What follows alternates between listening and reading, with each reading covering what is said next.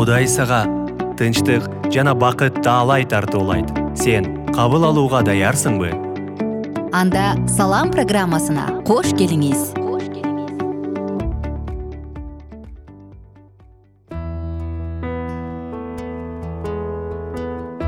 Салют достор. Баардык угармандарыбызга баардык досторубузга бизди угуп жаткан ар бир адамга ысык салам айтабыз. Куш убак күнүңүздөр менен сиздер менен биз жаңы подкастты башталдык жана бул подкасттын аталышы салам деп аталмакчы ошондуктан достор салам уктуруусуна кош келиңиздер.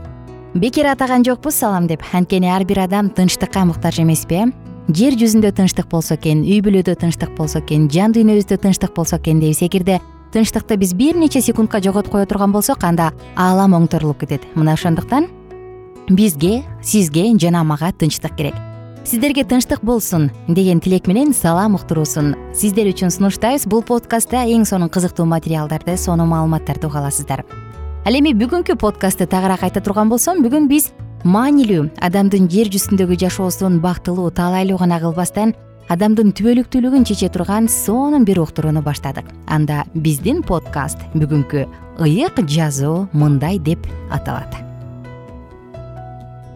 Достор ыйык жазуу биз билебиз үч китептен турат. Бул тоорат забур жана инжил китеби. Кимдир бирөө жок ал китептерди окуганга болбойт аны окубагыла десе кимдир бирөө тескерисинче жок аны окуш керек дейт. Анда эмесе ыйык жазуу деги эле өзү жөнүндө кандай күбөлөндүрүп айтат? Ушул подкасттардан угуңуз дагы өзүңүз үчүн албетте эң маанилүү кеңешти эң маанилүү чечимди чыгарып окуйм же окубайм десеңиз болот биз болсо ыйык жазуунун өзүнүн гана ичинен алынган сонун материалдарды айтабыз. Анын негизги принциптерин айтабыз. Андан аркы тандоо өзүңүздө. Адам жашоосунда сөзсүз түрдө руханий жан дүйнөсүн азыктандырып турушу керек. Эгер биз жалаң бузулган ушундай жаман тасмаларды көрө турган болсок агрессияга толобуз.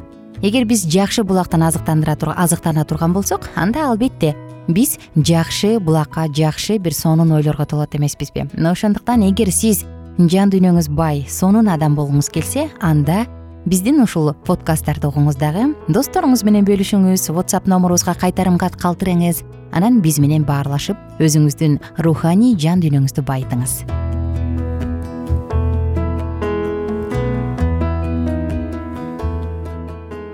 Көптөгөн жылдар мурун бир бай адам көз жумат. Анын жакшы көргөн кызы атасы калтырган кирээзин окуп алып абдан ыйлап жиберет. Атасы ага ыйык жазууну жана анын ичиндегинин баардыгын калтырыптыр. Кыз абдан капаланат. Анткени ал башка баалуураак бир нерсени калтырат деп үмүттөнгөн. Кыз маркум атасын гана сыйлагандыктан библияны комодтун түбүнө катып коюуну чечет. Анткени атасы ыйык жазууну абдан баалап аны көп окуучу экен. Бирок өзү аны алып эч качан ачып окуган эмес. Убакыт өтүп жатты. Аттиң ай кыздын жашоосу начар болуп калды. Ал чоң муктаждыкка батып кетет.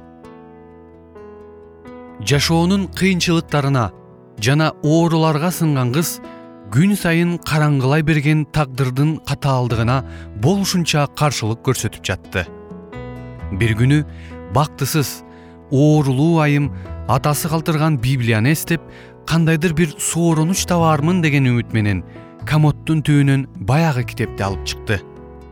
Китепти ачып барактарынын арасынан чоң суммадагы акча таап алганда кандай гана таң калды дейсиз. Аял көргөн көздөрүнө ишенбей турду.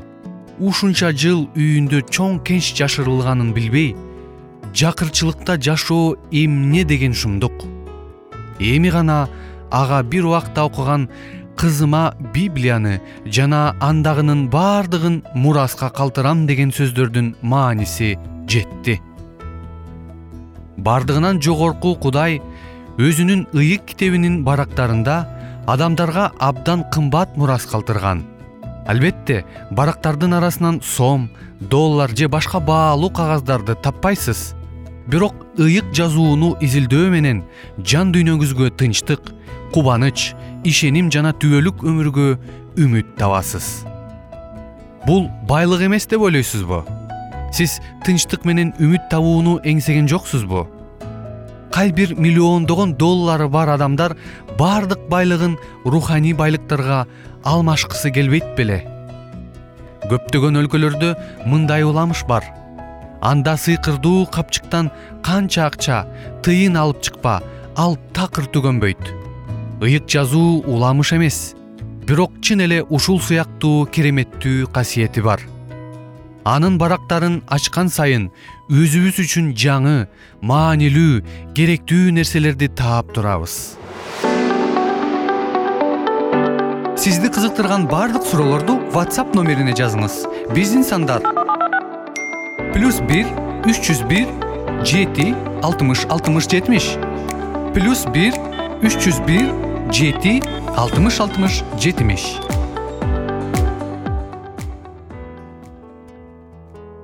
Достор караңыздарчы жогоруда окуяда биз жогорку абдан сонун бир маалымат окудук э?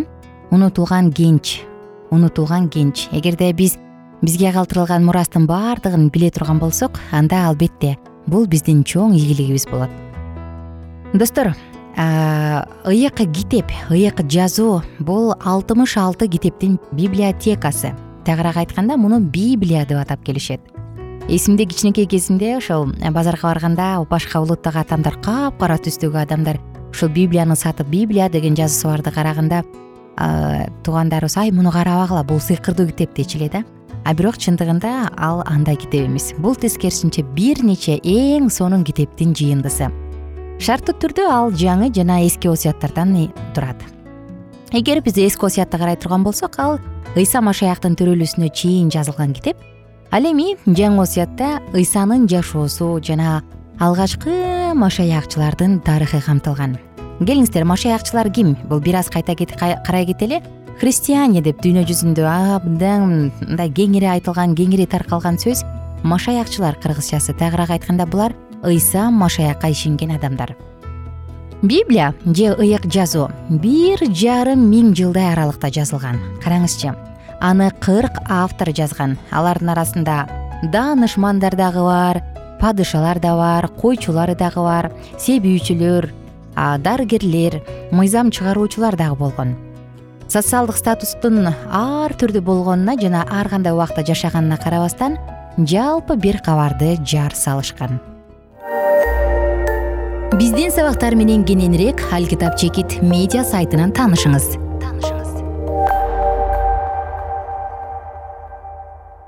Кызык бекен негизи сиз ыйык жазуу тууралуу кененирээк билгиңиз келеби?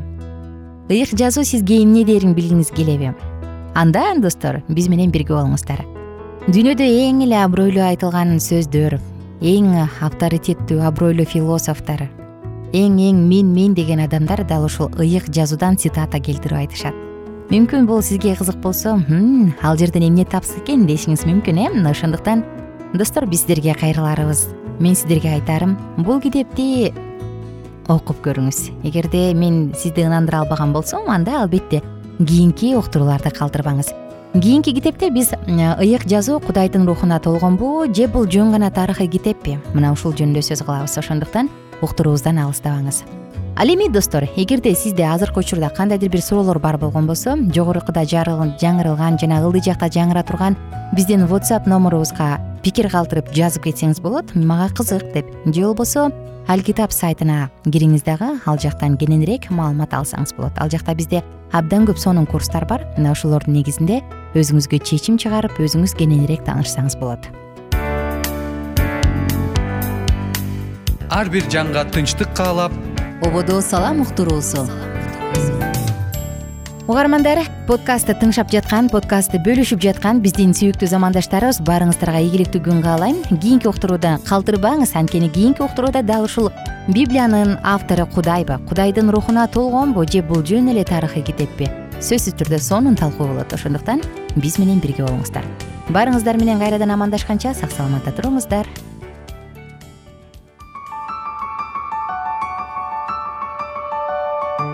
бир гана аллах чыныгы тынчтык берет. Ободо салам уктуруусу